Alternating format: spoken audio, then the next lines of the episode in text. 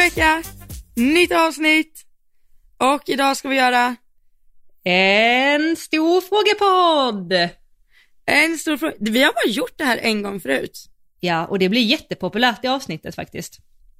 Ja, så vi, eh, vi la ju ut på Instagram Mm. och eh, de frågorna ska vi svara på nu. Mm.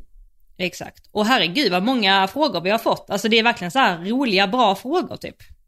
Ja, Ni har Ja, verkligen verkligen. engagerat er. och vi eh, snackar ju lite så här om man ska försöka beta av lite eller om vi ska nörda oss eller hur vi ska göra. Men vi tänkte att eh, man vill ju hinna svara på så många som möjligt, Mm, precis. eller hur? Ja, Så ja vi kanske inte går in i absolut minsta detalj på allt. Nej. Utan vi skulle kör. det krävas så är vi inte långsamma med att göra det. Nej, nej, då är det, ja, Men, det har eh, ju hänt förut att vi har snöat in på något. Det har hänt. Ja, Nej, men jag tror det blir bra faktiskt. Det hade varit kul och såklart att man eh, hinner svara på så många som möjligt. verkligen. Men eh, du, Johanna, Ja. jag vet att du har förmånen med två telefoner och jag har bara en. Just det. Så frågan är om eh, du ska dra upp Instagram. Jag kan moderera. Mm. Du behöver inte göra det jag kan också in och kika. Men eh, vi börjar. Så. Ja. Okej, ja men det kan vi göra. Men eh, första frågan är till dig då Elsa. Ehm, och den är så här, lärde sig Elsa vad den gröna geggan de la i hovarna i USA var? Vi får berätta backstory. Du la ju upp, La jag upp? Eller Nej, jag tror vi pratade om det här. Vi pratade om det här. Ja, det gjorde vi. Ja, just det. Ja, Mm. det gjorde vi. Vi pratade om det i podden. Mm. Eh, och eh, jag frågade om det och nu kommer jag inte ihåg vad de sa att det var. Men, Oj då. åh, vad var det? Men det var i alla fall för, alltså, jag tyckte det lät jätteonödigt, men det var det ju säkert inte. Det fanns för någon jättebra anledning. Det var dels, eh, vad jag uppfattade det som så var det inte direkt någon så här kylande effekt, det var inte det. Nej. Utan det var mer eh, typ så här för att eh, hovarna blir dåliga för att det är så torrt där. Ah, återfuktande för hovarna typ. man, ja typ. Mm. Fast eh, de gillade inte att återfukta med vatten, väldigt intressant. Ja, Okej. men så nej, jag har inget klart svar på exakt vad det var. Ska jag vara helt ärlig så var jag faktiskt inte, jag visste att jag nog inte skulle ta med det och göra samma sak hemma. Mm. Men, eh, så jag, eh, det kändes som en eh, Florida-vänlig grej och inte Falun. Okej. Ja men jag förstår. Ja, Ja men vi fick lite klarhet i det i alla fall. Ehm, nästa fråga, nu går vi rakt in i, i det faktiskt. Rätt in i skiten tänkte jag säga. vadå? nej nej men eh, det är bra. Eh, hur mycket pengar lägger ni på era egna hästar varje månad? Åh, fy fan. Ja, Man får nästan räkna. Man vet ju typ, alltså jag, jag, jag vet typ men jag Men vet alltså- fasen inte på kronan alltså. nej det vet inte jag heller. Om vi tänker typ så här med bensinpengar till tävling.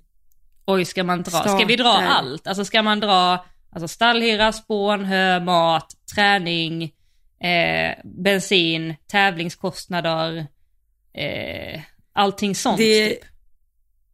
då är det ju väldigt olika beroende på månad liksom. Ska vi ta utan tävlingar? Om vi typ tar bort bensin och vi tar bort, eller Mm. diesel, och vi tar bort tävlingar och bara så här, vad kostar hästarna? Okej, också ta bort träning då? Alltså antal gånger man tränar. Eller ska vi ta träning också? Ja. Du tränar inte så Eh, ofta. Nej, men jag ska träna dressyr nu. Ja. Men, eh, ja, alltså jag, vet, jag sitter och tänker här bara. Men vi kör, vi, vi, vi benar ut det då. Mm. Om vi tar bara, vi börjar bara stallhyra. Mm. Eh, eller stallhyra, eller så här, vad, vad är det mer man betalar på en månad? Okej, vad är det man betalar på en månad? Det är kallhyra Varannan- för, för boxen. Ja, Mm. Det är hö, höspån, det, det ingår för mig. höspån. Mm. Mm. Och sen är det Kraftfoder. eventuellt kraftfoder. Ja. eh, skolning Skoning, just det. Mm. var sjätte vecka, Mm. skor jag. Eh, eller jag skor inte, men mina hästar skos. Mm. Eh, tävling, men det är ju typ dem. Försäkring, men det är ju årsgrej, Mm. tror jag. jag. Ja. Hmm. Oj gud, men jag vill inte tänka på det här. Stod det för en häst eller för alla hästar? För alla våra egna hästar, de vi liksom äger. Så. Jag har ju fyra stycken nu. Du har fyra stycken ja. Ja, då är vi uppe på 25 papp säkert. Mm. 30 kanske. Mm. Det var faktiskt det jag skulle säga också. Alltså runt Ja. 25-30 någonting så. Och då är det inte tävlingar och träningar inräknat i det. Utan, Nej, jag tog inte med någon tävling och träning nu. nej, nej exakt. Ja men någonstans där då. Mm. Ja. Och sen, ja, det var roligt att hon sa det, för jag räknade faktiskt på det här idag. Mm. Eh, med tävlingar, en, ett meeting. Bara boxar och starter då för fyra hästar, då hamnade jag på 13-14 tusen nästan. Du kan lika bra åka till Oliva då liksom. Ja, alltså nej, jag skämtar. Men lite så. boxar, starter, veterinär och så brukar jag köpa sånt där smidigt hö att ta med sig för att vi har storbal. Ja, ja. Så jag behövde räkna lite. Men ja, det var, Du sa 13-14 tusen och liksom är det ens möjligt att med de hästarna på alla starter du gör ens få tillbaka de pengarna? Ja, uppe i Falun är det typ. För då får man ju tillbaka om man är felfri. ja nej men inte en chans. Inte en chans. Nej, det är ju Men, liksom... eh, ja det beror ju på vad klasser man rider, men inte med mina egna hästar. Nej. I och med att det, de går unghästklasser allihopa.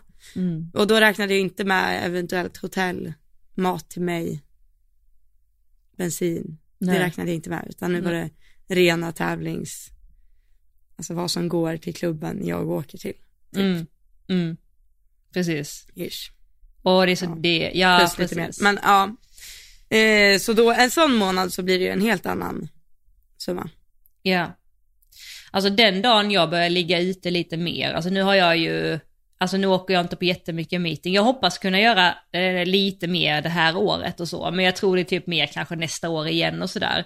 Då börjar jag fundera på om jag faktiskt behöver ha en större lastbil för att eh, jag tror att det kan gynna sig i längden. Och sen också typ nästa år igen så har jag ju kanske, om jag nu behåller hästarna, så har jag ju hästar som kan gå på samma tävlingar. Nu har jag typ två läger, två lite äldre hästar och två lite yngre. Så att de går ju inte samma dagar.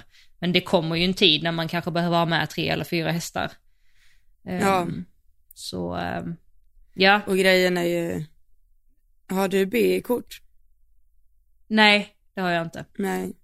Och då måste man ju ändå ha för att få med alla grejer. Ja, ja precis, exakt, Ja. exakt. Ehm, Nej, så, nej jag vill också ta det där C-kortet. Så man kan, vi har ju en stor lastbil, eller Vikagården har.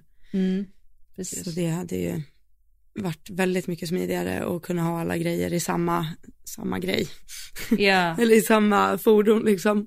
mm, precis. Ja.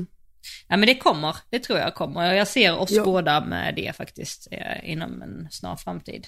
Inom några år bara. gör det. Ja men det gör jag. Varför Absolut. inte samma? En nio hästars. Pop out och pop ut och bodel. Pop upp och in och hit och dit. Pop ut och bak och fram och överallt. Nej jag, jag skulle Ja. nog kunna tänka mig en eh, fyra, eller kanske max en fem hästars lastbil. Fyra eller fem hästars lastbil.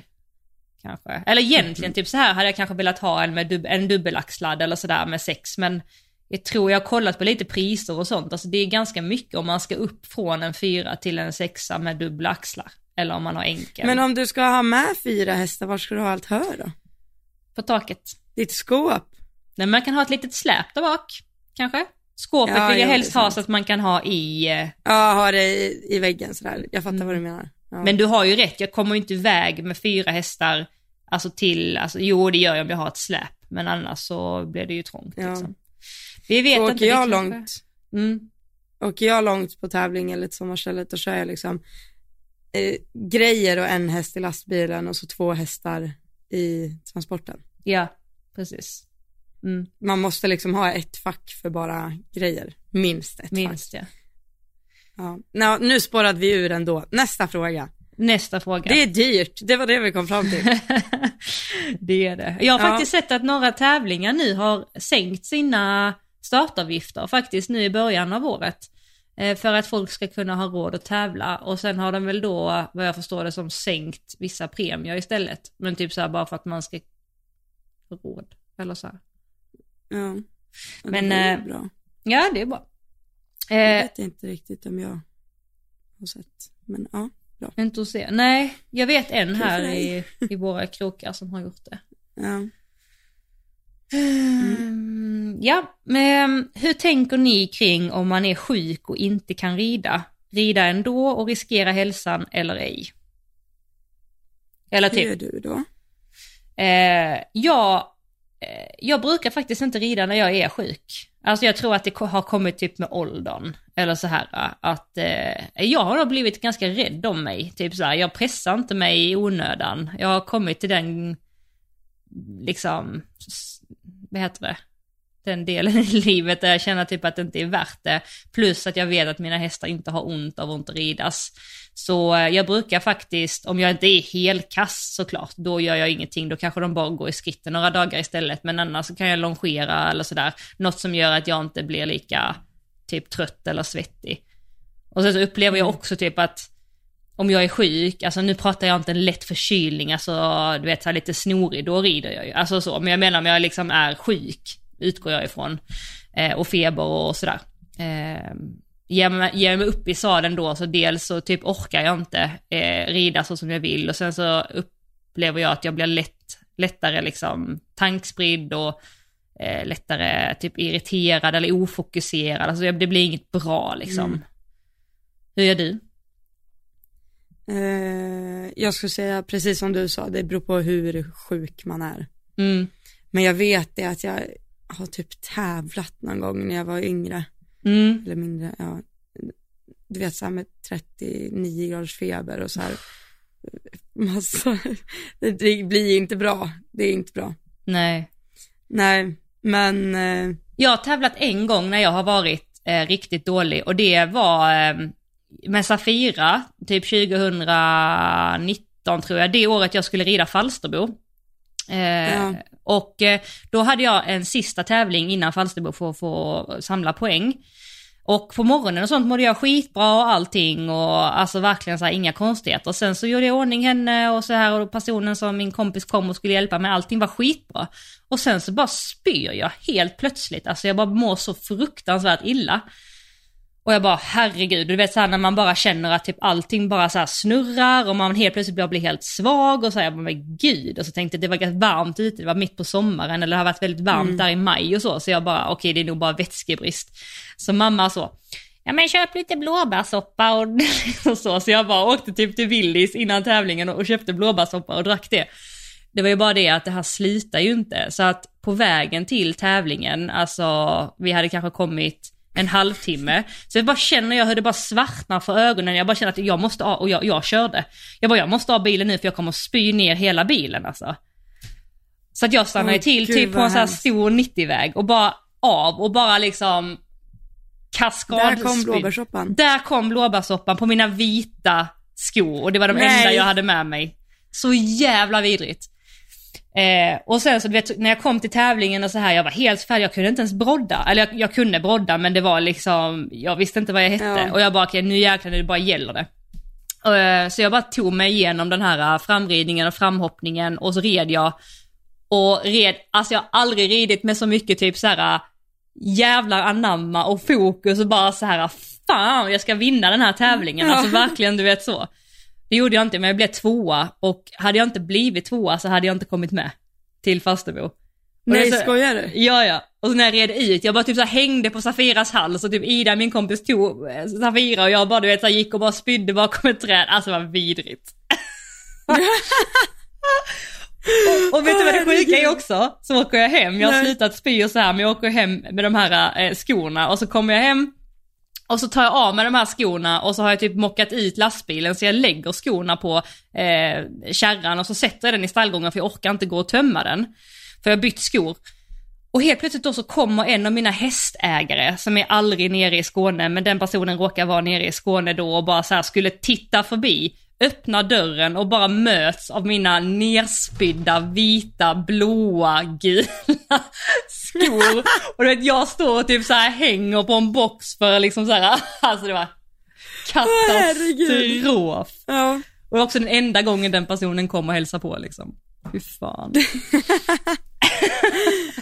Ja, nej så, eh, alltså jag är typ riktigt sjuk en eller två gånger om året. Då är jag liksom, alltså vet såhär döende. Ja. Ja. Sån här 39-40 graders feber och så ont i halsen som man håller på att dö. Liksom.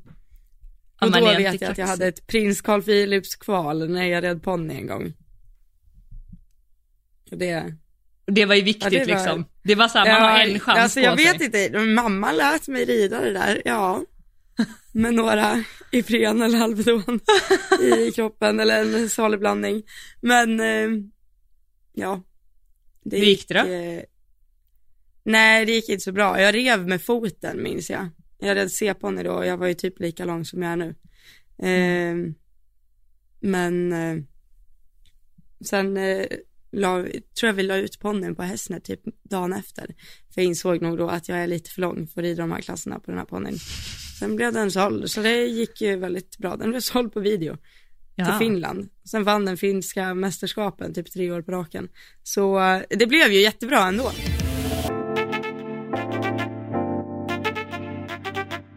Men du Johanna, jag tar över taktpinnen nu då.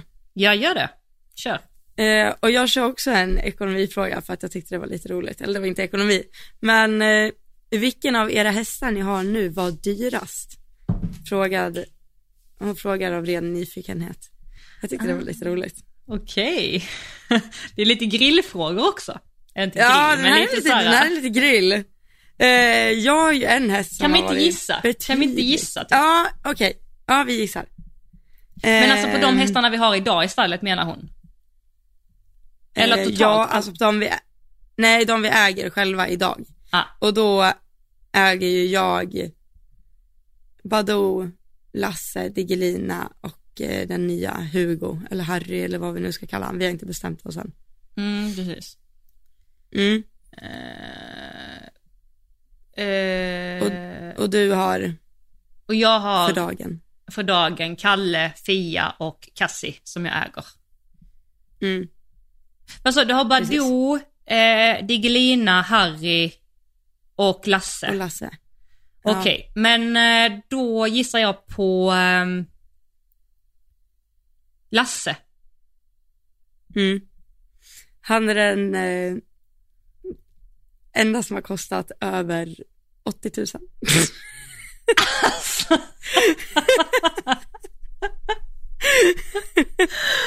Åh gud. Ja. Shit alltså. Mm. Så där har vi, där har vi, Där har vi det. it's really expensive. Ja, väldigt. Du sitter på väldigt dyra hästar nu. Ja, Mm. det är extremt. Mm. Men eh, du gissade ju rätt i alla Jag fall. gissar rätt. Vilket Yes. var dyrast. Och jag ska gissa på dig. Ja. Och jag... Jag vet ju faktiskt inte. Jag vet bara en. Vad den har kostat. Ja. Ah. Och jag tror... Eh, men jag tror att Kalle var dyrast. Och det sjuka är att jag får typ så här fundera, alltså vem som var det. Jag tror att du har rätt, jag tror att det var Kalle som var dyrast men det är typ så marginellt från Fia alltså. Alltså marginellt. Okej, ja. Men hade inte Kalle... Kalle köpte du som femåring? Eller hur? Ja, ni blev en femåring. Ni blev en femåring. Mm. Ja, och då tänker jag att då var han ganska så här flashig som fyraåring och sådär. Ja. Och söt och fin och sånt. Ja. Så. Ja, nej men Kalle var det. Ja. Det var han väl värd. Ja men det var han väl värd.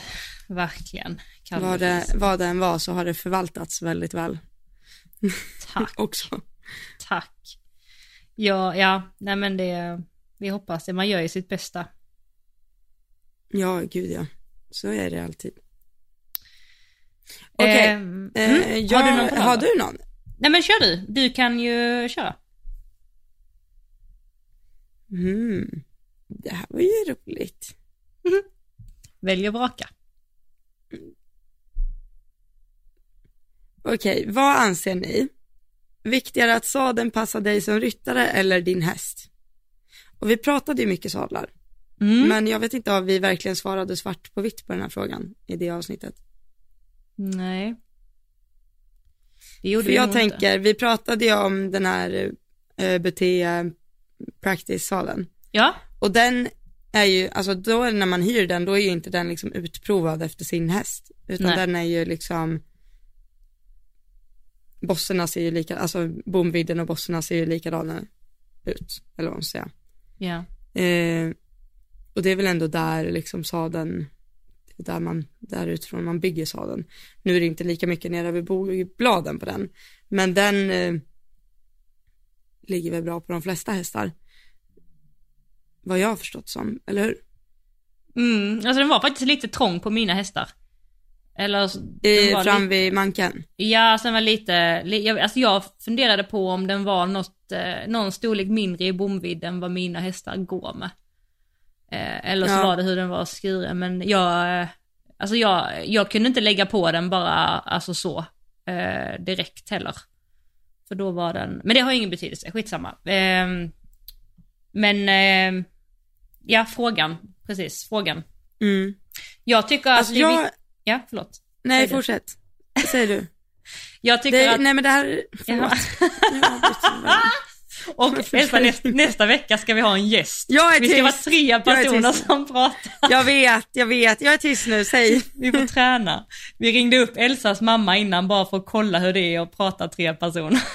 Ja, ja, alltså. Åh gud. Okej, men jag börjar med att svara då. Jag svarar så här att eh, om jag måste välja rakt av så säger jag passa hästen. Eh, eftersom att om hästen går med en sadel som inte passar så eh, är det ju inte bra och det kan få konsekvenser och den kan inte sätta muskler, den kan få ont i ryggen och då har man ingen häst. Alltså kort svarat så. Men Mm. också att det är ju extremt viktigt hur den passar ryttaren och hur man hamnar i sadeln. För att det är ju, handlar ju hur mycket som helst också med balansen. Alltså balansen kan ju ligga, sadeln kan ju ligga bra på hästen, men om jag hamnar i bakvikt eller i framvikt eller alltså i obalanserad för att jag får inte tillräckligt bra stöd eller balans så kommer jag ju att eh, förstöra hästen tänkte jag säga på det sättet, men då kommer jag ju att liksom belasta hästen fel och inte kunna inverka och på så sätt kanske dra på skador. Så att måste jag välja hästen eh, ska den passa, men det är skitviktigt hur den passar ryttaren också. Mm. Jag, eh, jag totally agree with you. Men eh, en liten parentes. Mm. Jag vet att det finns en toppryttare eh, som har exakt samma sadel på alla sina hästar i stallet. Så personen i fråga har, eller ryttaren i fråga har alltså flera sadlar, men de är identiska. Alltså samma bomvidd, samma utfyllnad, samma kåpa, samma storlek på alla hästar. Nu vet jag inte om det paddas några olika och sådär, men sadeln är exakt den samma fast i Mm. flera stycken. Är du säker på att det inte är olika bomvidd? Ja, jag är helt säker Okej. faktiskt. Mm. Men det kanske paddas olika. Alltså så här, jag ska vara ärlig och säga så här att jag hör väldigt mycket, alltså jag har hört så många gånger i mitt liv så här, åh vi hade en, en, en sadel som inte passar hästen och vi fick ha sadelutprovare och alltså, jag har liksom hört så många som har haft problem med sadlar och att hästarna har blivit Mm. liksom dåliga och så här. Och jag, där kan jag sticka ut svakan och kanske, detta, detta kanske är en sån eh, unpopular opinion, men alltså jag, alltså jag tror ibland att det handlar inte supermycket om sadeln när, när problem kommer utan att man kanske är, att det, också, det handlar också om ridningen, hur du rider hästen. Rider du hästen så att den kommer upp med ryggen och att den får stretcha ut eller rider du alltid hästen i liksom en jättekort form och hög nacke och ryggen sänkt, alltså då kommer vilken sadel som helst skapa problem liksom. Eh, och jag har, jag har alltid med mina hästar jag har haft i och för sig som max tre, nej som max fyra hästar och ett tag hade jag en sadel, eller två sadlar och så hade jag den på alla. Eh, med olika paddings och så och det har fungerat hur alltså, bra som helst, så det var ganska okomplicerade hästar. Eh, men typ, så jag har aldrig liksom grottat ner mig, jag har aldrig liksom haft värsta sadelutprovarna, värsta liksom stora grejen med sadlar och så här för att jag har liksom fått hjälp typ av min tränare och jag har kunnat se och känna själv hur den ligger i balans och hur den legat med hästarna och hästarna har satt fina muskler och de har känts fina i ryggarna och liksom så har jag utvärderat men typ ny i första gången för Kalle som jag sa för något poddavsnitt är lite specialcase på, eh, på grund av hur han är byggd så att jag liksom verkligen så här insett att oj han behöver verkligen en, en, en annorlunda sadel eller ett annat sätt. Vi måste tänka lite utanför boxen här just mm. med honom just nu innan han kan sätta mer muskler eh, och ha liksom en annan sadel eller en annan eh, bom eller eh, så. Så att det är min filosofi att jag tror att man ibland gör det lite mer komplicerat än vad det är rent med sadlar. Och då säger jag mm. inte heller att det är helt oviktigt, om du förstår vad jag menar. Jag hoppas alla fattar vad jag menar. Ja, jag fattar.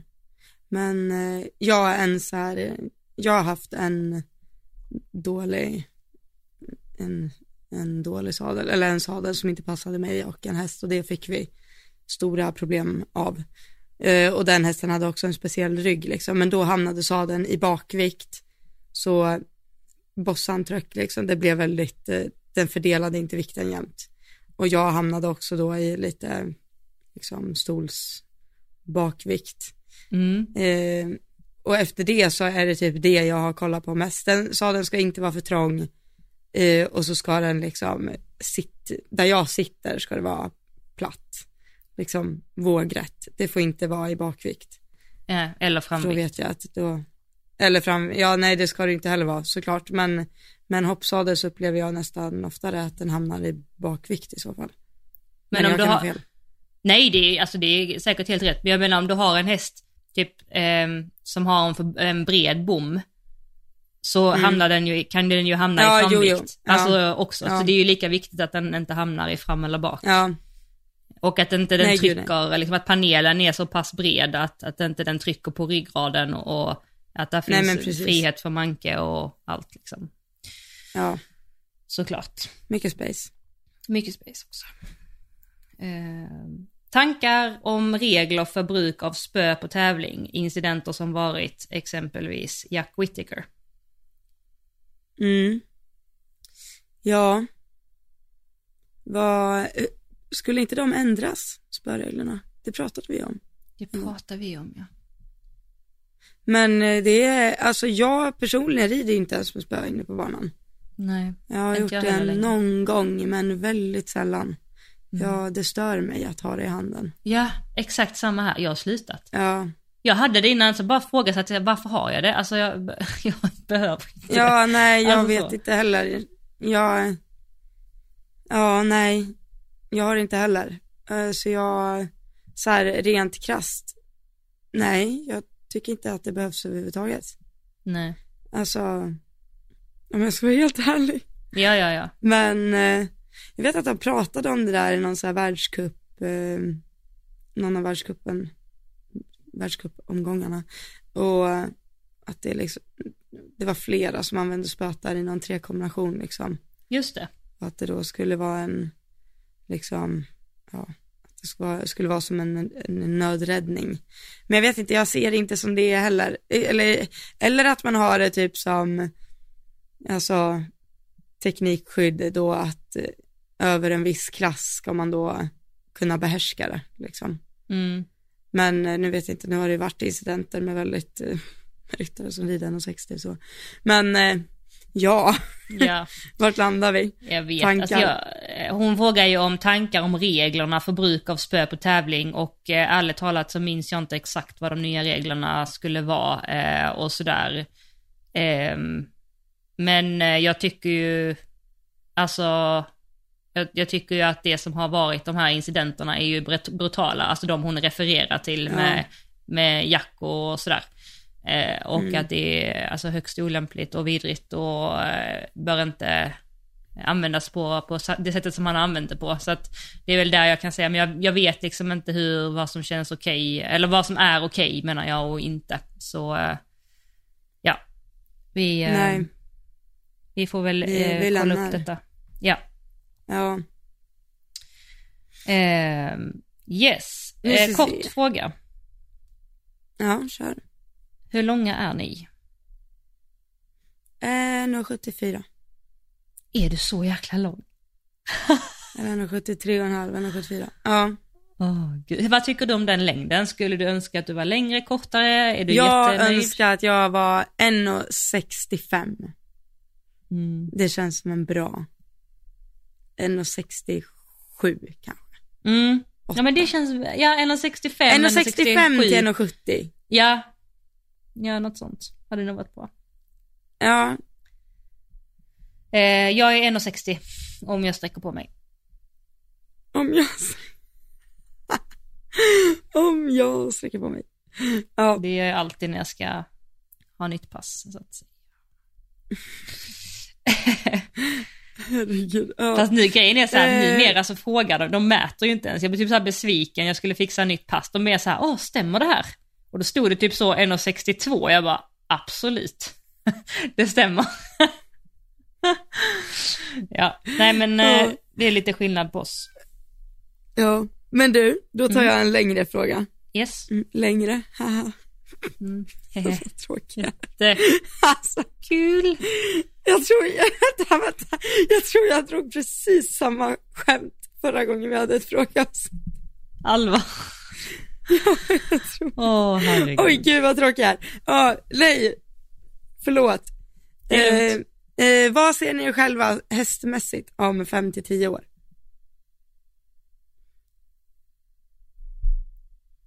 Du sitter och ler, svara. Börjar du? När ska jag börja? Ja, om du vill. Eh, ja, jag eh, hoppas att jag har ridit 1,50 innan dess. Eh, det är liksom mitt närmsta, alltså, eller ja, först lär man göra 1,40 riktigt bra och 1,45 riktigt bra, men det är liksom så här lite mitt drömmål för tillfället, att jag vill rida 1,50 liksom. Det känns som en enorm milstolpe liksom. Mm.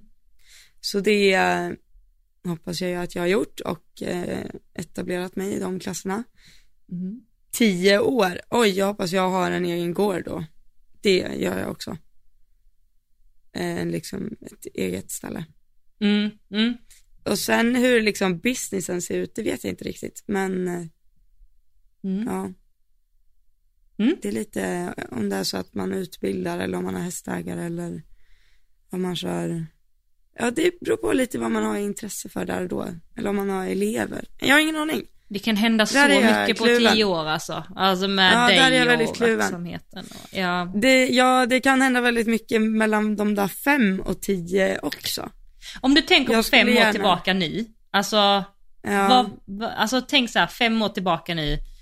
Början på så här 2020, nej precis, eh, 2018. det är typ. ganska, ja, det är året jag tog studenten. 2018. Tycker du att det har hänt mycket på de här fem åren? Eller hur ser du den här femårsperioden? Alltså, jag tycker ändå att jag har gjort några sådana här grejer som var sånt jag bara så här kunnat drömma om. Haft ett bridarjobb när man red 10-12 hästar om dagen, det har jag testat. Jag har fått uppleva Wellington, det har jag alltid velat gjort. Eh, jag har köpt och sålt hästar själv, jag har Alltså jag har ändå gjort mycket av det som jag har velat göra, men jag skulle fortfarande säga att mycket är fortfarande samma sak som jag vill fortsätta göra. Eller Mm. förstår du? Mm. Alltså jag har fortfarande samma, mina drömmar har nog liksom inte förändrats något speciellt Nej. mycket. Mm. Utan de är liksom densamma. Mm. Precis. Mm. Jag, jag har nog sista fem åren, jag tror att jag har fokuserat eller lagt mer och gjort större utveckling businessmässigt och yrkesmässigt Mm. eh, än ryttarmässigt. Nu har jag också gjort väldigt mycket ryttarmässigt, alltså jag, jag tänker främst på min typ grund i ridningen eller om man säger att jag har utvecklat mig Mm. mycket som ryttare. Eh, och speciellt bara så här sista tiden känner jag att jag har gjort stora framsteg. Jag har investerat i nya hästar, alltså börjat om från början eh, med några av dem. Eh, alltså sådana grejer. Eh, och det är ju så här att det tar ju tid att bygga upp någonting. Verkligen, man får ju verkligen börja från noll. Eh, så det är jag är väldigt stolt över att jag har gjort och gör och att jag känner att jag har bra material nu i stallet och fina hästar som kan eh, Eh, som har många nivåer kvar att klättra tillsammans med mig. Och jag känner för första gången i mitt, alltså mitt liv ska jag inte säga, men sista åren, så känner jag att det är jag som får shape up. Alltså att jag besitter mindre mm, talang, eller inte talang, kunskap eller så här än vad mina hästar gör. Alltså jag får liksom hänga på dem. Sista tiden har jag liksom känt att jag har maxat alla hästar jag har haft. Att jag kan inte ta dem längre, jag gör alltså, så mycket jag kan redan och gör det bra och så har hästarna inte räckt till till nästa nivå typ. Um, så det är första gången nu på länge som jag känner att det är tvärtom. Uh, och det gör ju mig jättehungrig. Och uh, också lite så här, fan jäkla anamma. Det är därför jag känner speciellt som jag sa förra veckan där med, ja jag måste bli bättre på markarbete hemma. Jag måste bli bättre på dressyren och sådär. Jag känner att det är en stor del som, som kan utvecklas.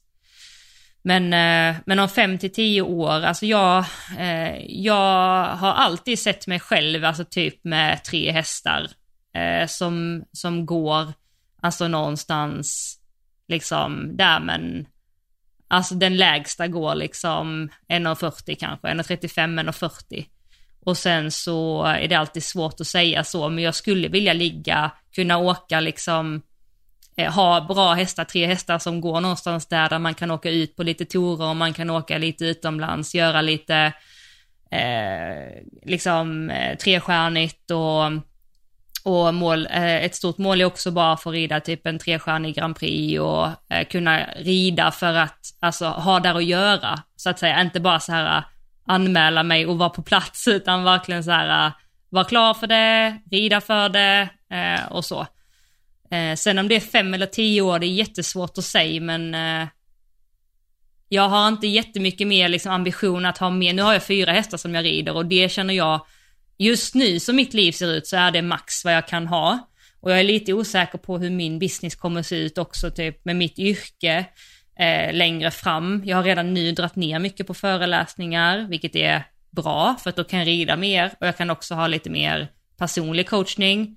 Och just nu och mm. sista åren så, så exploderar ju den delen. Jag, jag har ju liksom väldigt lång väntelista på Eh, på min, min coachning och sådär. Så att eh, jag vet inte riktigt hur jag ska ta det vidare. Men lite som jag var inne tror jag på avsnittet, det här att kunna ha en gård själv, göra sin satsning, kanske ha någon som är inackorderad som också har ett företag eller sådär. Mm. Eh, som också kan, eh, ja men som gör att man kan ha en, en inkomst från det. Och sen ha en groom som kan sköta mina hästar och att jag mm. också kan jobba hemifrån och mycket och sådär och kunna också ta, ta hit, eh, alltså att människor kan få komma till mig eh, lite mer och jobba lite mer uppsuttet kanske. Och jag, är också, jag har inte en helt klar liksom så hur det skulle kunna se ut men någonstans, eh, någonstans så. Ser du, ser du dig själv bo på, alltså du, du vill bo där du har dina hästar? Är det liksom en dröm för dig? Ja, det är det. Just nu är det det faktiskt. Mm. Eh, om man kan göra det på ett bra sätt, alltså det vill säga att om det finns liksom finansiering att kunna ha, göra det på ett bra sätt. Jag vill liksom inte mm. känna mm. att jag, eh, att det är tufft ekonomiskt för mig att göra det. Nej. Om du förstår, utan jag vill liksom... Jag... Mm. Ja, nej jag fattar. Men jag, jag har insett nu, desto mer jag har sett liksom att det finns de som håller på med hästar på väldigt hög nivå som också vill ha det här att de kommer ifrån Mm. När de inte är i stallet så vill de inte vara i stallet, är du med? Mm, precis. Men det är jag, alltså jag har väldigt svårt, nu kan det ju vara också för att jag aldrig haft det. Jag har verkligen aldrig haft hästarna med gångavstånd dit liksom. Nej. Så det är ju verkligen min största dröm. Alltså det är ju mm. oavsett om jag kommer tävla eller ej i framtiden. Nu vill jag ju väldigt gärna tävla såklart. Men eh, man vet ju aldrig vad som händer. Men det är nog liksom min, ja den här gårdsdrömmen kommer nog alltid leva kvar liksom. Mm. Mm. Precis. Att bara ha, kunna gå ut och kvällsfodra liksom, tänk att kunna göra det. Men så har jag, alltså typ som, jag tänker lite typ som nu där jag, eh, där jag står och sådär, eh, så eh, liksom personen som äger det och så, hon, hon har ju hästarna hemma och så, men hon är ju inte, alltså jag ska säga, hon har ju alltså, anställda.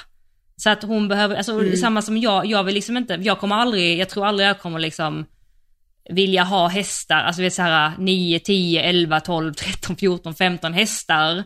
Alltså och ha det som en, som ett yrke så, att ta emot och träna och tävla bara så, utan jag vill liksom kunna satsa på mina hästar. Sen självklart att man kan ta in någon här och där, men jag vill liksom inte ha det som ett, att jag är i stallet liksom och jobbar från sex på morgonen till sex på kvällen bara så. Jag har ingenting emot det, men jag vill inte ha det som min huvudinkomst, alltså på det sättet att jag Eh, tror jag, eller så som det känns nu eh, i alla fall. Utan jag vill kunna också ha, att, att det stallet ska kunna skötas utan att jag är på plats. Eh, Det Mm. kanske låter konstigt, men eh, det är det jag menar, att ha finansiella möjligheter, att om jag kan ha en gård, att jag också kan ha människor som kan hjälpa mig eh, med det jag behöver hjälp Mm. med och, och så. Och sen så kommer jag antagligen hänga stallet 24-7 ändå, men jag vill inte knega hästar om du förstår vad jag menar. Alltså, Ja, ja, jag fattar. så. Jag bara, det vill jag. Det, ja, precis, men det skiljer oss Min dröm är ju att vara liksom, ha, alltså Fredriksson-familjen Grevlunda liksom. Det är ju min dröm. Ja.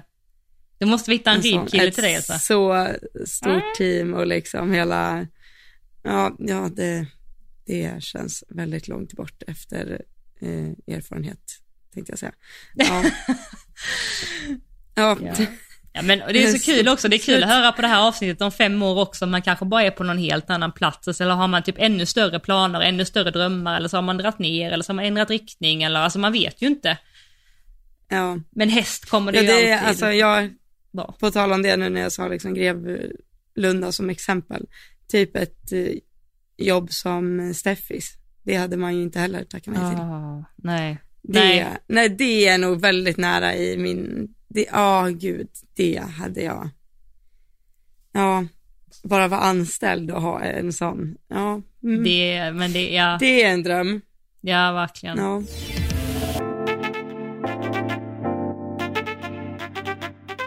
Okej, Johanna.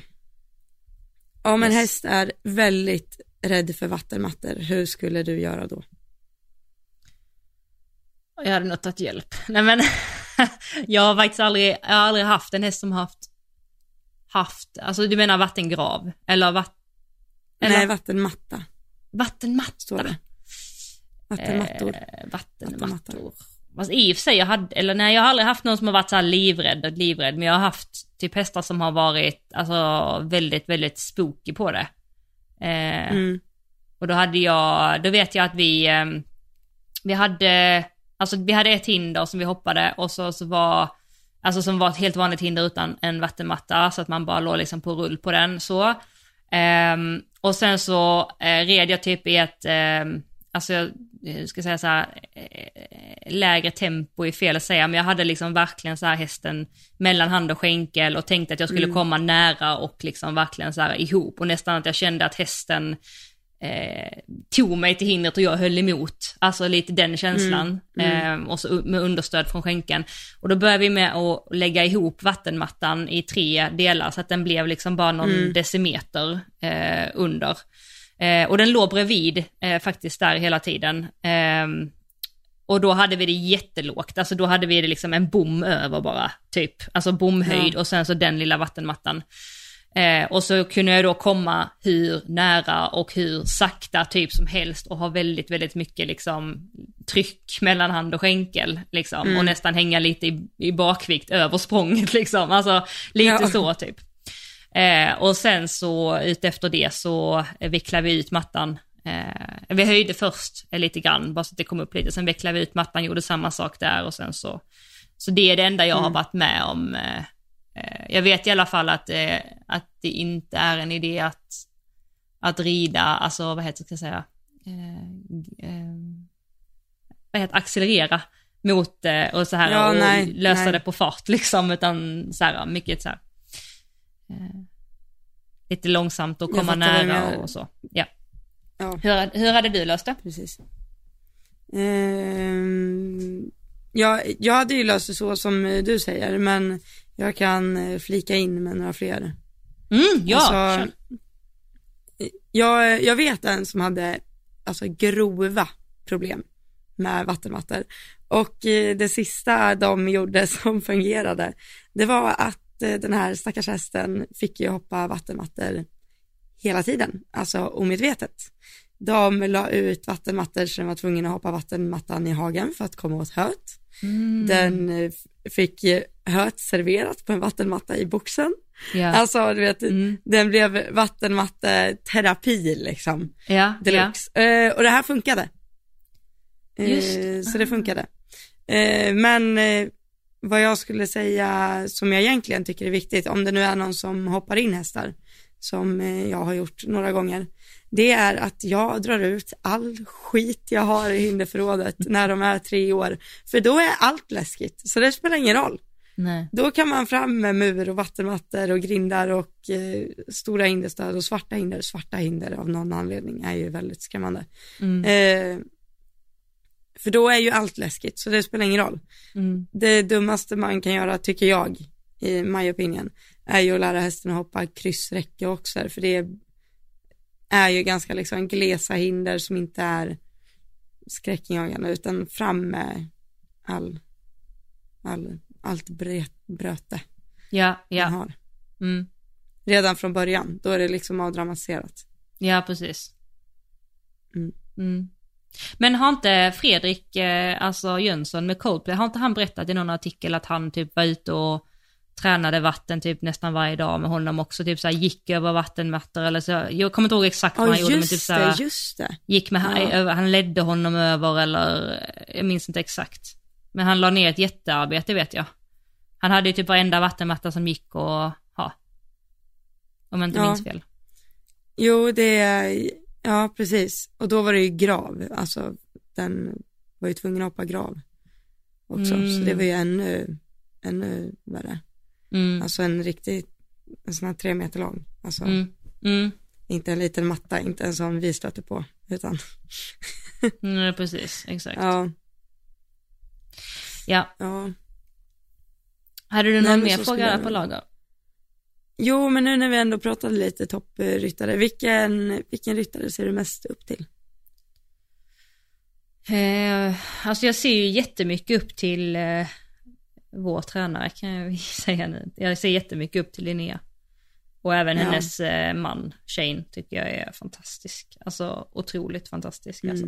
Det är väldigt få människor som kan rida på det sättet som de gör så smooth liksom. Och vara så eh, ett med hästen och ha dem så framme och göra det så. Alltså svängarna är liksom så här, alltså det är så här, det är bara liksom allt Ja. går som är på en, ett tågspår, vad heter det, eh, järnväg, railway, Mm. alltså så här allting bara så. Eh, och sen så eh, ser jag jättemycket upp till eh, McLean, han, hur han rider. Jag tycker han rider det faktiskt ganska li- likt typ på ett sätt, Linnea. Eller så här, han rider så här lite lätt och sådär men också lite så här högre hand och gör det också väldigt så. Eh, och nu pratar jag om hans ridstil. Jag vet att hans pappa har gjort massa dumma grejer och allt vad det innebär. Så jag, jag säger bara vad jag tycker om hans ridstil och hur han, hur han rider. Jag känner inte honom privat, jag vet inte hur han är, men Mm. sättet han rider på tycker jag är väldigt inspirerande. Och sen så, och de, de två kan jag, jag, kan- jag kan ju definiera mig med Shane Linnea och eh, McLean, för att de har en ridstil som eh, jag eh, försöker efterlikna eller typ så här försöker vara som eller liksom inspireras av. Sen tycker jag ju liksom att Mac, Marcus Ening är en av de absolut bästa ryttarna och hur han hur han rider och på det sättet men eh, och sen samma med Marlon Sanotelli tycker jag är en sån ryttare som är så alltså fantastisk. Ehm, men han har också typ en stil som jag aldrig liksom kommer, alltså det är liksom ingenting jag kan definiera mig med, men han som ryttare och sen även såklart Malin, alltså bara jag, det är också en jätteinspiration hur hon rider. Eh, men vi har ju lite olika ridstil om man säger, men det är, Mm. det är ryttare jag ser upp till. Du då? Eh, ja, jag vet inte, jag gillar ju att eh, se upp till folk som jag eh, vet om eller känner, eller vad man ska säga. Ja. Eller förstår du vad jag menar? Mm. Att jag, eh, och jag, jag såg ju jättemycket upp till Linnea innan jag började träna för henne också. Bara för att jag tycker att det ser, alltså det ser ju, kollar man, går man in på hennes Instagram och så kollar man, på, det är bara att välja vilken runda som helst. Då, när jag såg henne, alltså på Instagram första gången, alltså jag tappade hakan, jag blev så här, så där tänker jag att jag vill att det ska se ut. Mm. Liksom exakt så. Mm. Eh, och sen har ju liksom från första tanken till att jag då har varit nere och tränat sen några gånger, då är det ju, har det ju bara liksom blivit ännu bättre av att hon är en så, jag tycker att hon är en fantastisk hästmänniska också. Mm. Och det, det tycker jag är jätteviktigt och eh, trevlig, engagerad, alltså allt, hela, jag ser verkligen inget negativt. Varken som hästmänniska eller som person eller som ryttare liksom. Mm. Väldigt kunnig. Eh, utöver henne, gud jag tänkte på någon men jag glömde bort. Mhm. Vänta, jag... Vänta, jag satt verkligen och tänkte när du pratade och sen... Var det manlig, kvinnlig? Men, ehm, förut så var jag mega fan av Luciana Denise. Jaha. Eh, för att hon verkade så eh, gullig och trevlig, jag älskar hästen och fantastisk. Och eh, jag vet inte, jag gillar att se upp till tjejer för att jag är lite Ja. feminist. jobbig, tänkte jag säga. Men eh, ja, men de absolut. Malin också. Men eh, jag kommer aldrig kunna rida som Malin. Lite som du var inne på också, att det allt beror, eller så här, man vill ju, eller jag tänker att man ser upp till dem som man liksom vill efterlikna, eller som man tror att man kan hämta Ja. mest ifrån. Exakt, Ja. precis. Mm. Precis. Ja. Sen såg jag, jag såg Lily Keenan hoppa fram några gånger i Florida och jag tyckte hennes, ja jag gillar hennes ridning också. Mm. Det behöver inte sticka under stolen med, det var inte jättetråkiga hästar heller att se på. Nej. Men det såg ju väldigt enkelt ut för att vara 1,50. Det var ju så här, ja. Men det ska det vara också när man är så bra. Ja, Ja, ja precis. men det är ju heller inte personer jag känner liksom. Nej. Precis. Mm. Men utöver bara ryttare så, så allmänt inspirerande människor som vill eh, det är också så himla roligt med Linnea, att hon är alltid liksom så, så kunnig som hon är så är hon ändå så intresserad av att lära sig ännu mer liksom. Ja men exakt, jag skulle precis det komma är till det. så, Mm. ja det är väldigt inspirerande faktiskt. Ja verkligen, Så- alltså hon, hon är verkligen ett exempel på det, alltså vill lära sig hela tiden. Och så är hon extremt ödmjuk och, eller typ så här prestigelös.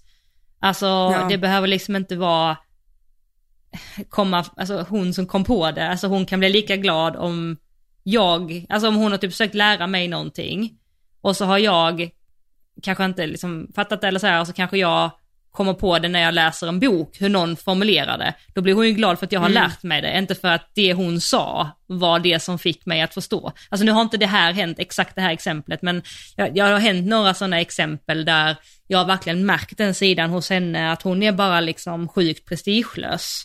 Och det är väldigt fint och väldigt, som du säger, väldigt kunnig, eller väldigt, eh, alltså, nyfiken. Ja, verkligen. Ja, nej, det är Ja. inspirerande. Från Det det ena till det andra. Mm. Mm. Ehm, Från det ena till det andra. Ja, vi har ju lite frågor. Vi, vi får väl ta några här. Eh, Vi är ju inte så snabba som vi önskar, men vi kan väl få se om vi kan svara lite snabbare, eller snabb-snabbare på kommande frågor. Ja. Så vi hinner med några till. Mm. Ehm, Gör ni er bokföring själva? Om inte, vem gör den? Jag får hjälp. Du får hjälp. Ja, Ja. av din familj? eller? Eh, ja, eller med hjälp av min mamma. Ja. Precis. Du? Eh, jag får också hjälp. Jag har en revisor som, eh, som gör allting. Mm. Är det något jag inte är bra på så är det siffror och eh, sånt. Så, att, eh, Ja. så ehm, Skulle ni kunna tänka er att jobba tillsammans på en klinik och i så fall vad för tema?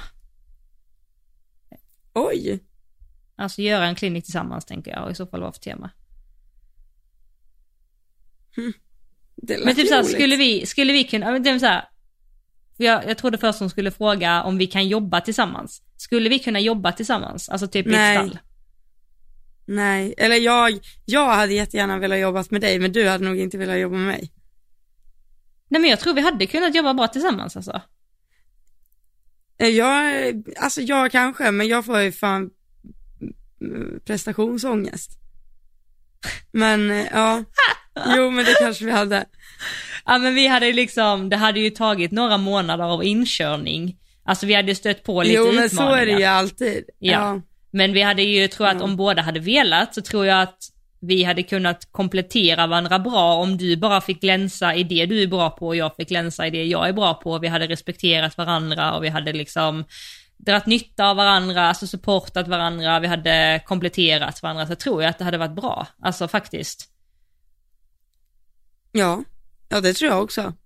Mm. Men eh, ja, gud, jag kanske ser ner lite på mig själv. Jag kan vara organiserad om jag vill. Ja men det kan Ja. du ju, det har du ju bevisat nu. Ja, jo men det kan jag. Jag Ja. städade våran salukammare idag i en timme. Den är sjukt organiserad nu kan jag säga. Okej, Oj.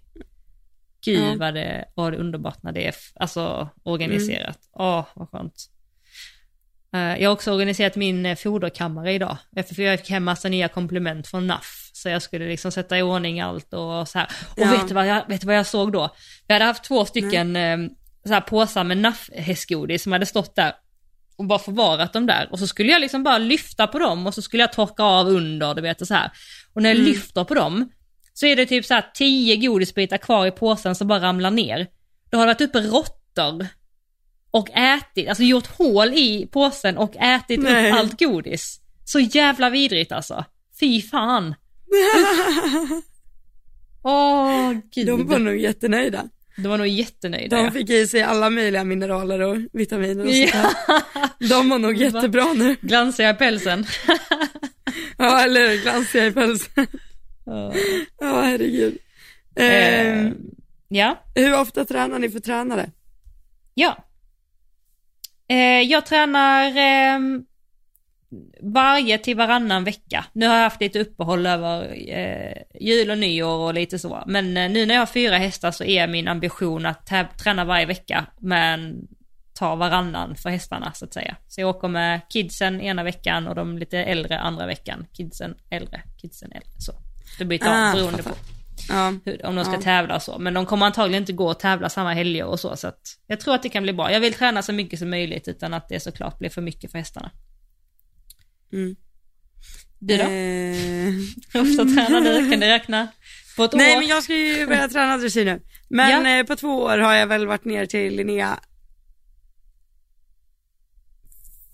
sex gånger. tror jag. Jag hade så många ändå. Ja, fem eller sex gånger tror jag. Ja okej. Mm. Det är Och så nog har jag dags försökt igen. man med två hästar varje gång. Mm. Mm. Jag åkte ju ner en gång och så var hästen halt när jag kom fram, den var ju rolig. Vad? Ja, vänta just det, det har du nog Ja. berättat ja. Ja, det var en häst jag hade förut. Men ska du träna för eh, den här dressyrtränaren varje vecka? Eller hur är tanken? Eh, Ida tränar varje vecka. Eh, så jag ska väl se lite beroende på vad man får för hemläxor och sådär. Mm. Och, eh, ja. Ida håller ju på med lite snäppet värre dressyr än vad jag gör. Eller värre, bättre. Ja. Snäppet eh, mer avancerad dressyr. Eh, där är inte riktigt jag. Om man säger så. Än. Så det är lite beroende på vad jag har för häst och vad jag känner att jag behöver hjälp med. Men eh, minst ett par gånger i månaden tänker jag i alla fall. Mm. Yes. Hur gör jag för att min Instagram ska växa? Tips och knep tack. PS e-podd är så grym på. Ja du Ja, eh, Elsa. Jag såg att du gick jätteviralt häromdagen. Du har ju typ 25 likes på någon video, har du sett det? ja den, ja alltså den, den har ju gått viralt i en vecka typ. Eller alltså den liksom så här typ, alltså den slutar aldrig. Det är liksom så här, det är Nej jag varje vet, dag det är liksom. så, så är ju logaritmen. Jag har ju någon sån också. Ja, Jag har någon så här eh, framhoppningsvideo som nu, så här, två månader senare och så här, 30 000 likes. Jag har ingen Den aning om Holly? var, varför.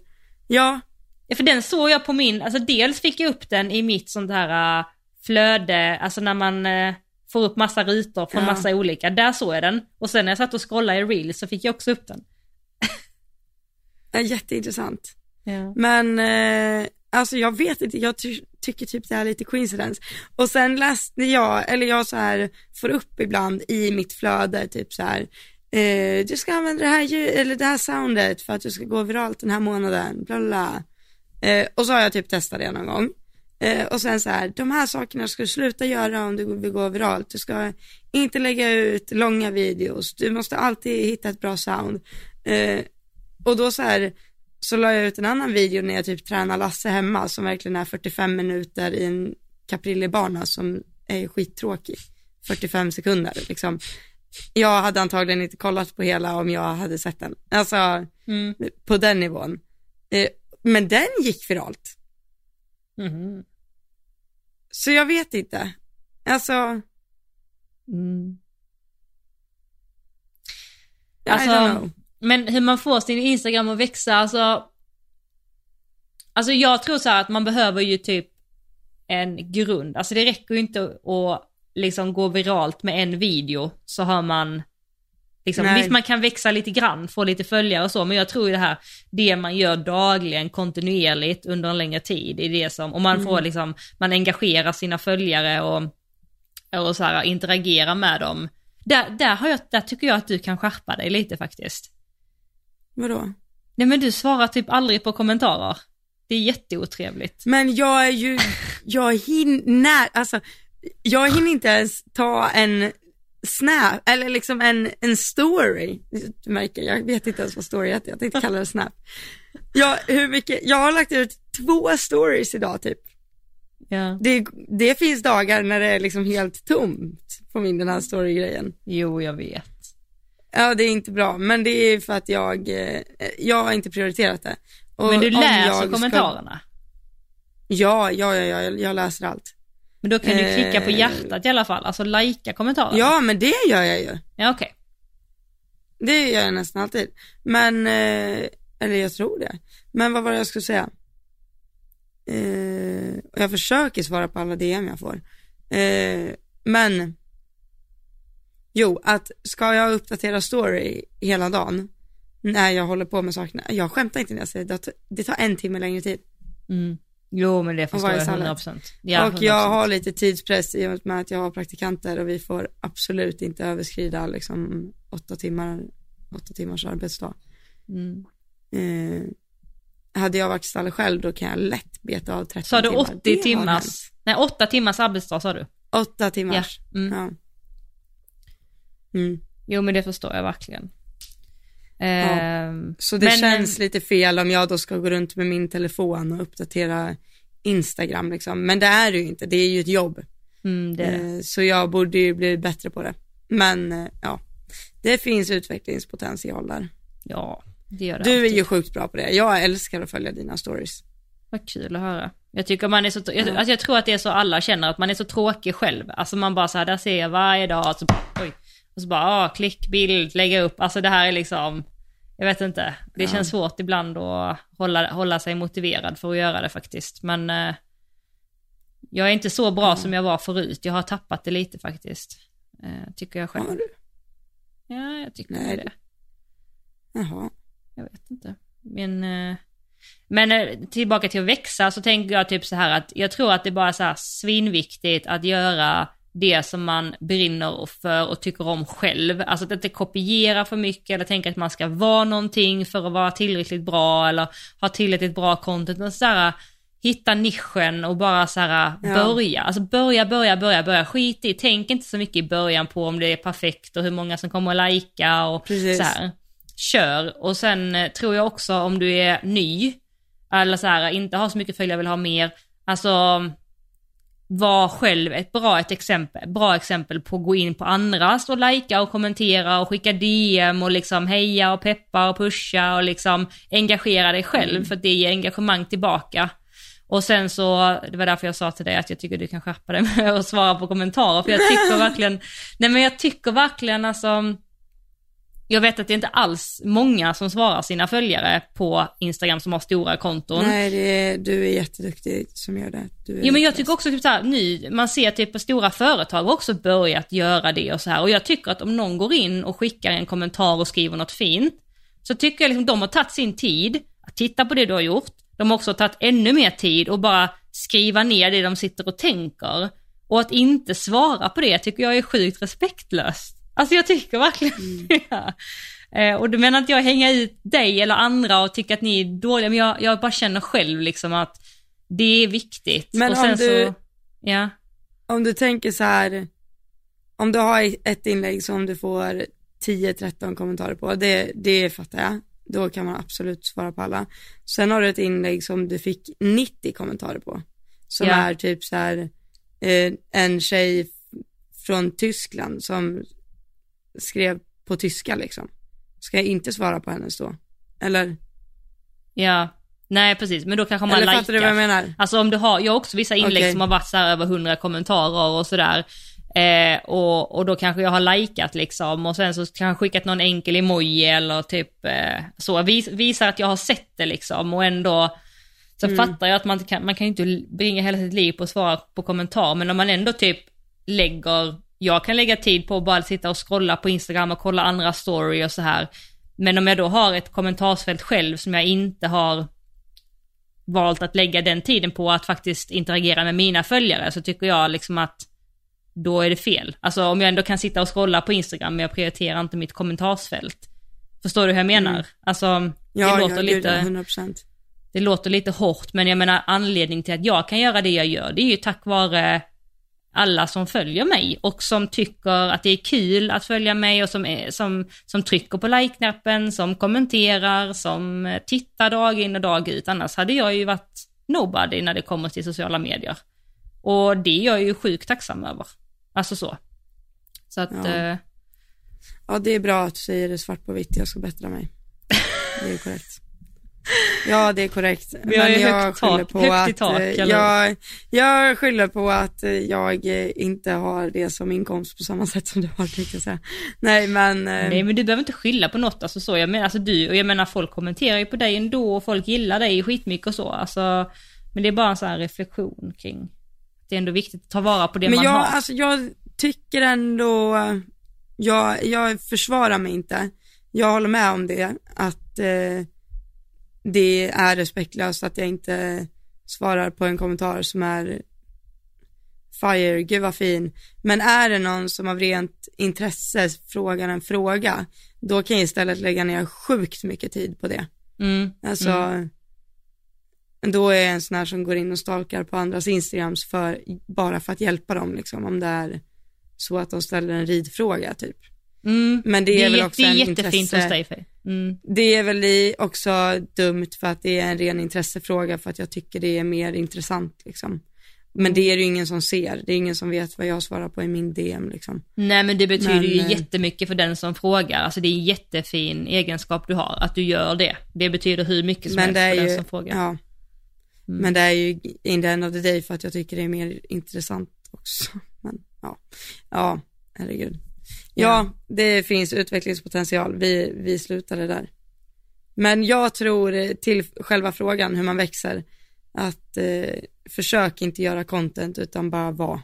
Alltså, Mm. lägg ut det du själv tycker är kul utan försök inte liksom kopiera att så här, oj det här inlägget gick bra för den här, jag ska försöka göra något liknande eller jag ska ta det ljudet eller så här, det är inte, det är typ inte det som spelar roll. Nej. Don't make the content, be the content. wow, kaching! Ja, nej men, men det, det är faktiskt sant. men en intressant här innan Ja. vi kanske ska börja avrunda, eller jag vet inte, hur ser din tidsplan ut denna kväll? Ja, men vi kan uh, köra någon till. Ja. Eh, eller jag tyckte den var rolig i alla fall. Mm. Vad är ert favorit, eh, favoritbett samt mest, inom situationstecken, hatade bett? Har vi inte pratat om det? Har vi det? Vi har väl haft ett avsnitt, alltså vi pratar ju om bara bett och vi kommer in på att du hatar gagg och Jo, men nu hon Kombinationsbett. ställt frågan och då tänkte jag att då, Okej, ja. Kör. ja. ja. Vi tar det. Ja, det kanske har ändrats sen sist också, det vet man inte.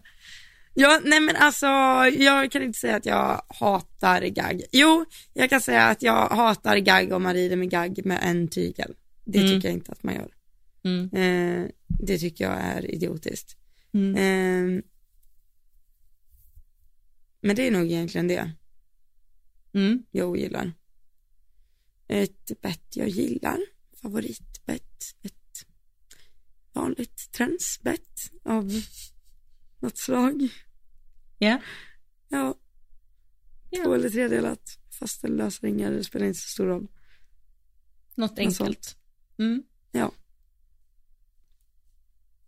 Ja. Och sen nu när vi pratar hatbett, alltså gud det finns ju helt sjuka bett också. det ja, det är där. Mm. Det finns ju det som är bra mycket värre. Det finns ju bett jag mer ogärna hade stoppat in i munnen på min häst än ett gagg också. Eh, Jo, som jag kanske aldrig ens har sett. Ja, gud, det finns ju hur mycket som helst. Men eh, det är väl mer så här den typen av hisseffekt upp på kindtänderna utan något sorts stopp. Det är det jag inte gillar. ja. Precis. Ja. Man kan ju göra ett stopp på gagget. Alltså du kan ju göra knyta. Jo, det kan man ju, men det är fortfarande, ja. Mm. Mm. Nej, jag I håller med. like. Jag förstår. Eller jag Ja. förstår vad du menar. Ja. Ja. Eh, men jag kommer nog fram att jag, jag tror inte att jag har något så här uh, hatbett. Alltså hat-hatbett tror jag faktiskt inte. Eller alltså som sagt som du säger, det finns ju massa som man känner det här skulle jag aldrig stoppa i min hästs mun. Men alltså jag tänker jag utgår från dem jag har ridit med och typ så här vägrar rida med. Mm. Alltså nej, inget så superspeciellt. Eh, sen uppskattar jag ju att rida mer eller mindre på olika bett men eh, det, det jag gillar att rida på är lite som med dig som där, alltså som vanliga bett som är lite olika, alltså något som är tvådelat, något som är tredelat, fasta lösa och sen eh, gillar jag Waterford-bettet också. Eh, det har jag eh, med parerstänger, det tycker jag också är väldigt bra att typ så variera med. Ehm. Mm och nu, det jag faktiskt har gjort nu, jag köpte ett Miklem-träns för någon vecka, någon typ två veckor sedan, för jag red med Miklem förr eh, och testade det och eh, det ger en, alltså faktiskt en helt annan känsla, så att jag har börjat mixtra lite Mm. med det i kombination med, med betten istället för liksom betten för att, ja, men jag håller på att mixtra lite och jag, jag uppskattar det. Jag tycker att bettet, alltså det ligger väldigt, väldigt still i munnen när du har ett Miklem-träns. Mm. Du sitter och nickar, har du, rider du någonting med det? Ja, jag tävlar i Saratoga med Mikael. Ja, men det gör du ju för tusan Mm. ja. Just det. Och, med, och parérstängen. Just det. Mm. Ja, det kan jag verkligen tänka mig henne där Det ja. är väldigt- Precis. Ja, det Mm. jag upplever också att det gör enorm skillnad. Jag har också ridit några så här unghästar med det. Det är väldigt, jag tycker också det blir väldigt still Ja, liksom. Ja, precis. Och jag, typ, så här, jag har Lite- typ de här två, vad sa du? lite så här stummare känsla på ett bra sätt. Exakt. Ja.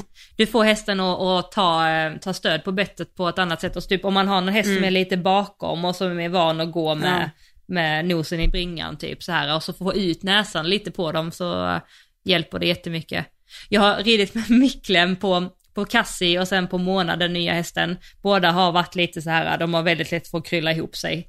Eh, då hade jag Miklem och ett lite tjockare tredelat bett med fasta ringar. Jag bara, okej, där, där har jag dem nu liksom. Nu har jag lite i handen liksom. I Wellington så var det jätteinne, eller jättemånga som körde på de här eh, på Ponchini-betten, de här fyrkantiga. Ja, Eller de är inte fyrkantiga, men du fattar vad jag menar. ja. Mm. I alla olika, alltså sen- Pelam, eh, Pessoa, alla är olika. Nej men alltså bara lösa ringar, alltså Ah. rakt. Väldigt så här, uh, uh, Ja, väldigt, uh, väldigt sån. Ja. Mm. Jag har lite delade åsikter dock om eh, gummiklädda bett, men eh, ja. Okej. jag vet inte. Jag, jag kan ju så här läsa en sak någonstans och då testar jag liksom det Mm. fullt ut och sen, ja. Jag har hört att hästen, det blir liksom för strävt i munnen på hästen. Eller Att för, det blir friktion typ. Ja, friktion och så kan de inte röra tungan på samma sätt och sådär. Och så vidare Mm. och så vidare. Men, eh, ja. Men jag ogillar absolut inte, det är inte så att jag absolut inte skulle stoppa in det i hästens mun. Men jag har en period nu när jag har tagit bort alla. Mm. Om jag kör något så här läderklätt Ja just och det. inte Ja. gummi. Men det, Ja. Då får man ju också lite samma känsla, upplever jag. Alltså lite Mm. hängigare känsla. Ja, precis. Mm. Lite mer att ta tag i det. Ja, nej men nu spann vi ju vidare på det här ändå. Men Ja. Johanna, tävlar du alltid bara med vita schabrak? Ja. Ja det gör jag. Ja. Vit schabrak, vita ridbyxor, en röd kavaj, när kommer den? Ja, alltså jag är inne på det alltså.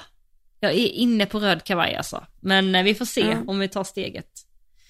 Och du, du tävlar ju både på mörka och vitt någon gång har du gjort något. Alltså någon gång har du haft vitt, men mest mörka va? Eh, nu ska vi se här. Ja, men det är så här för att jag tycker det, jag tycker det ser lite muppigt ut om jag har mörka ridbyxor och vitt schabrak. Ja, Det, ser, det sa Alltså, vi i förra det. avsnittet, det är så snyggt alltså. Är det det? Ja, men jag kanske, men jag har ett, jag har två stycken vita. Västrum jättefina. Ja. Och två svarta. Så det jag har, eller mörka. Eh, nej, men jag vet inte. Vi ser, vi ser hur det blir. Använd dem. Alltså använd Ja, vita schabrak och mörka Men jag har ju två gråa hästar nu. Hur- Det är jättefint med vita schabrak på gåhästar. Ja, men då ser det ju smutsigt ut. Så Hästar. tvätta bättre. jag skojar. Ja, jag gör det. Ja. Det är en som undrar här, alltså sånt här är ändå kul att veta typ för att eh, vi bor ju på olika håll och så. Så vi eh, Mm. träffas ju aldrig och poddar, vi eh, snackar via Facetime och så. Det är någon som eh, frågar, när det är dags att spela in ett poddavsnitt, vem ringer upp vem? Och så vidare. Det har ju hänt någon gång att ingen har ringt. Vi har Vi bestämt brukar ju- en tid. Ja. Så jag har bestämt en tid och sen är det ingen som ringer upp. För jag tänker så här, Johanna ringer väl och du tänker väl. så Jag tänker samma. Så här, du ringer väl, eller det brukar se ut så här. Att vi bestämmer en tid och sen säger den ena, funkar, nitt- om vi har bestämt 19 så bara, funkar 19.15 och sen säger Ja. jag, funkar 19.25 och så bara, funkar 19.30. Ja. Exakt så.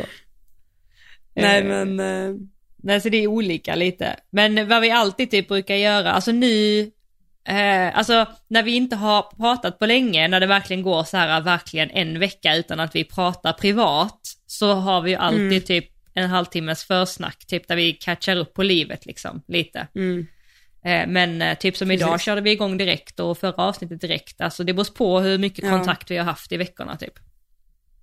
ja men det håller jag med om. Och typ Mm. lite så här om vi har någon plan. För det Ja. brukar vi också så här, det brukar vi stämma av typ samma dag, eller om vi har en idé dagen innan. Eller om man bara ploppar upp något så här, gud det här Mm. borde vi prata om. Så skriver vi det och sen. Och vi brukar också skicka mycket det vi får i DM till varann liksom. Och se Mm. om det är något vi kan ta med.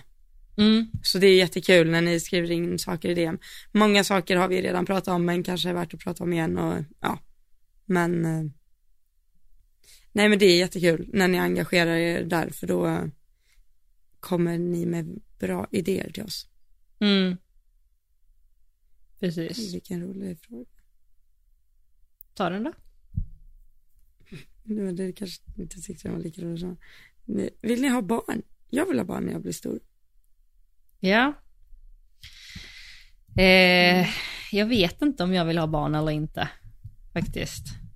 Jag, just nu så nej. Eller så här. Jag, alltså jag och Andreas är ganska, vi har ganska lika åsikter om det. Eller så. Eh, Mm. så eh, vi är inte helt övertygade om att vi vill ha det. Liksom. Faktiskt. Det är väl bra. Mm. Det är jättebra att man är med någon som man tycker lika om saker och ting. Ja, Gud vad enkelt livet vore då, tänkte jag säga. Nej, det gör det inte så jättemycket. Nej, men man får ju- Men, eh, Det är ju ganska Men dealbreaker, alltså det sa jag ganska så här tidigt i vårt förhållande också, kolla lite vad hans tankar och så var, för att det är ju väldigt problematiskt om en verkligen, verkligen vill och en annan verkligen inte vill, för det kommer ju inte Ja. att funka, Ja, alltså i precis. slutändan liksom. ja, det är en ganska livsavgörande grej. Ja, det är det.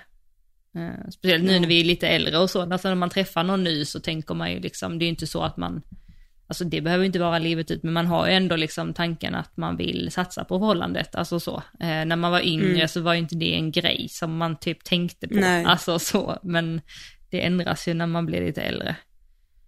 Eh, Ja. och sådär. Eh, Ja. Älskar ni alltid ert jobb och är det alltid så perfekt som det ser ut? Inget hat, bara en fråga. Jag tycker att jag lägger ut lite verklighetsbaserade inlägg ibland när vi håller på där och bankar is i vatten i vattenhinkar och sånt här. Nej, Ja. just då kanske jag hade önskat något annat, ja. eh, det stämmer. Det stämmer. Men overall, jo, jag hade inte velat jobba med något annat. Nej. Nej, inte jag heller. Jag gör verkligen det jag älskar. Och eh, om det alltid är så perfekt som det ser ut. Alltså, ibland tycker jag det är svårt att få en bild av, eller ehm, jag tycker det är svårt att tänka hur andra ser mig och mitt liv. Alltså utifrån det jag lägger Ja. upp. Typ så här, ser det perfekt ut eller gör det inte det? För jag tycker ju att jag eh, är väldigt, alltså, ofiltrerad i saker och ting. Alltså Ja. det är väldigt sällan jag liksom gör det bättre än vad det är.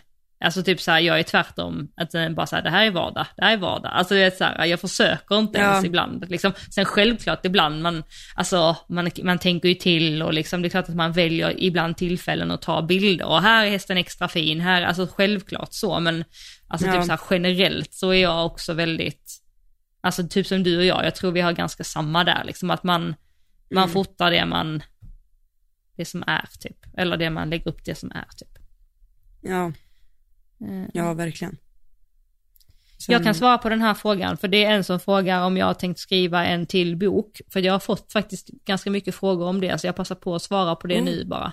Ja, Gör det. eh, och jag har, alltså, jag har det i tanken, jag skulle vilja göra det och jag har förlag med mig som vill, eh, vill göra det och så, men eh, jag är Oj. faktiskt, eh, ja, det är jättekul. Eh, och jag har massa idéer och så, men eh, jag har faktiskt inte landat i någonting och jag känner inte så här, okej det här ska jag göra och det här ska jag göra till nästa höst exempelvis. Så typ om jag vill släppa en bok eh, nästa november, eller nu i november, så behöver jag ju Mm. börja skriva typ nu, liksom.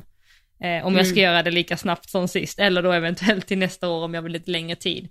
Så jag tänkte bara säga om det, för jag har inte frågat någon gång liksom vad ni skulle vilja läsa om och vad ni tycker nästa bok skulle kunna typ handla om eller vara inriktad på. Så är det någon som så verkligen vill, eh, som tänker på något eller så, så bara får ni jättegärna skicka DM till mig eh, privat och bara så här komma med tips eller Jag bara, önskemål. jag hade velat haft en självbiografi från dig. Alltså jag, ja, och jag har tänkt på det också, men grejen är så här att jag, ehm, jag är typ inte där för att kunna göra det. Alltså jag eh, skulle inte kunna eh, vara 100% eh, typ ärlig i den självbiografin för att jag skulle behöva utelämna så många stora saker som Mm. hade varit ändå det som jag tror hade varit intressant att läsa om också. Så att jag liksom, jag tror inte Mm. jag är riktigt där ännu att kunna göra det, typ. Så, eh, men jag tror absolut jag någon gång faktiskt kommer att göra det. Men vad kul att du sa det. Ja, nej det, ja. Nej det hade jag velat ha från Ja. dig. Den hade jag garanterat läst. Men jag läste din andra, eller din första bok också, så det, Har du det? ja, jag har till och med köpt den. Va? Jag köpte den innan jag fick den av dig. Nej vad gullig. så jag har två. Så en har mamma och en har jag. Mm, vad söt. Då får du ge den jag till fick någon. Den av, jag fick den av dig innan vi kände varandra ju. Ja, jag skickade den till dig ja. Det var ett år Ja, du sedan. skickade typ. den till Två mig. sedan. Gud vad sjukt, när du säger det, det tänkte inte jag på. Ja, jag skrev ett, jag kommer ihåg att jag skrev också ett personligt Ja. meddelande till alla jag skickade till. Ja, Minns du och vad du jag skrev? skickade den till mig. Nej, Nej, Minns du? heller. Nej, jag minns inte. Nej men eh, jag blev jätteglad. Blev det det? Jag har inte fått något sånt där random an- innan tror jag. Nej. Nej. Och sen var det väldigt roligt för jag hade den redan. Så, då hade jag. Men ja, du måste ju ha köpt den alltså typ direkt när den kom ut då eller något för att Ja, det jag gjorde skickar jag. ju, ja. Mm, Så du måste ha skickat. Alltså, Nej, jag jag skick... var jättesnabb att köpa. Ja. Ja, men det är en timme och 26 minuter in. Shall we call it a day? Eller vi har ju massa frågor kvar. Ja, vi har massa frågor kvar. Ska vi Ja. spara dem till ett ytterligare ett avsnitt kanske? Ja, det låter nog bra.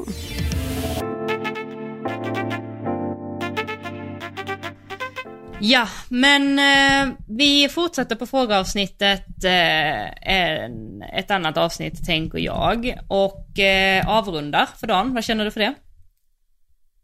Du, det eh, låter bra. Nu börjar Ja. till och med jag bli lite låg i energi här en och en halv timme senare. Men alltså upp i energi ska ju ni som lyssnar för att nu ska ni börja ladda inför nästa vecka. För vad händer då Elsa Berggren? Trumvirvel. Andrea Brandt ska gästa. Ja, Och det är vi så glada för. exakt. Och för er som blir inte vet vem André är, eller för er som vet vem André är kommer att bli glada, tror jag. Och för er som inte vet det, Ja. googla. Och annars så kommer vi prata Ja. mer om honom i nästa avsnitt. Ja. Mm. Det blir eh, sjukt kul. Det blir vår, vår första gäst faktiskt. Ja. Mm. Sveriges eh, next eh, upcoming. Ja, nästa Scott Mm. Nej, Rush. det blir, precis. Eller vem, vem var Nej, det det han var blir i? sjukt kul. Ja, Scott Brash tycker jag. Scott Brush. Ja.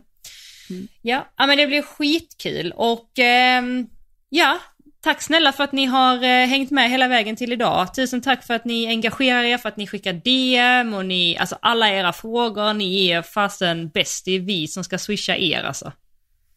Ja, sjukt bra. Det var ni som gjorde det här avsnittet. Ja, verkligen. Så eh, tusen, tusen tack. Tusen tack. Vill ni stötta oss och stötta podden och eh, vill att vi fortsätter med det här så är vi ju som vi brukar säga sjukt tacksamma om ni vill skicka en liten slant till vår swish som driver den här podden, eller egentligen som får den att Ja. rulla. Och eh, då har vi ett swishnummer som eh, är 1232 981 231 och det numret det står här nere i poddbeskrivningen och det står också på vår poddinsta Elsa och Johanna. Eh, minsta bidrag blir vi jätteglada för. Super, men eh, då hörs vi nästa vecka med tre Ja. röster. Det gör vi. Och sen kan jag också säga så här, eller vi kan säga så här, det kommer fler roliga grejer här inom bara det närmsta. För att jag kan säga så här, eller vi kan säga så här, Eurohorse kommer det hända grejer på. Så att, eh, Kommer det det? Gud vad roligt. Kommer det det? Det vet du ju att det kommer. Nej, ja det vet jag. Men Ja. gud, det är så nära i tid nu. Ja, det är så snart. Det är så snart. Det är, det är ju inte många avsnitt framöver. Ja, Nej. nej, men Håll utkik, eh, vänner. boka in Göteborg. Ja, boka in Göteborg och Års. Boka in lördagen framförallt. Just saying. Yes. Okej då. Puss och kram, tack för idag. Puss, hej.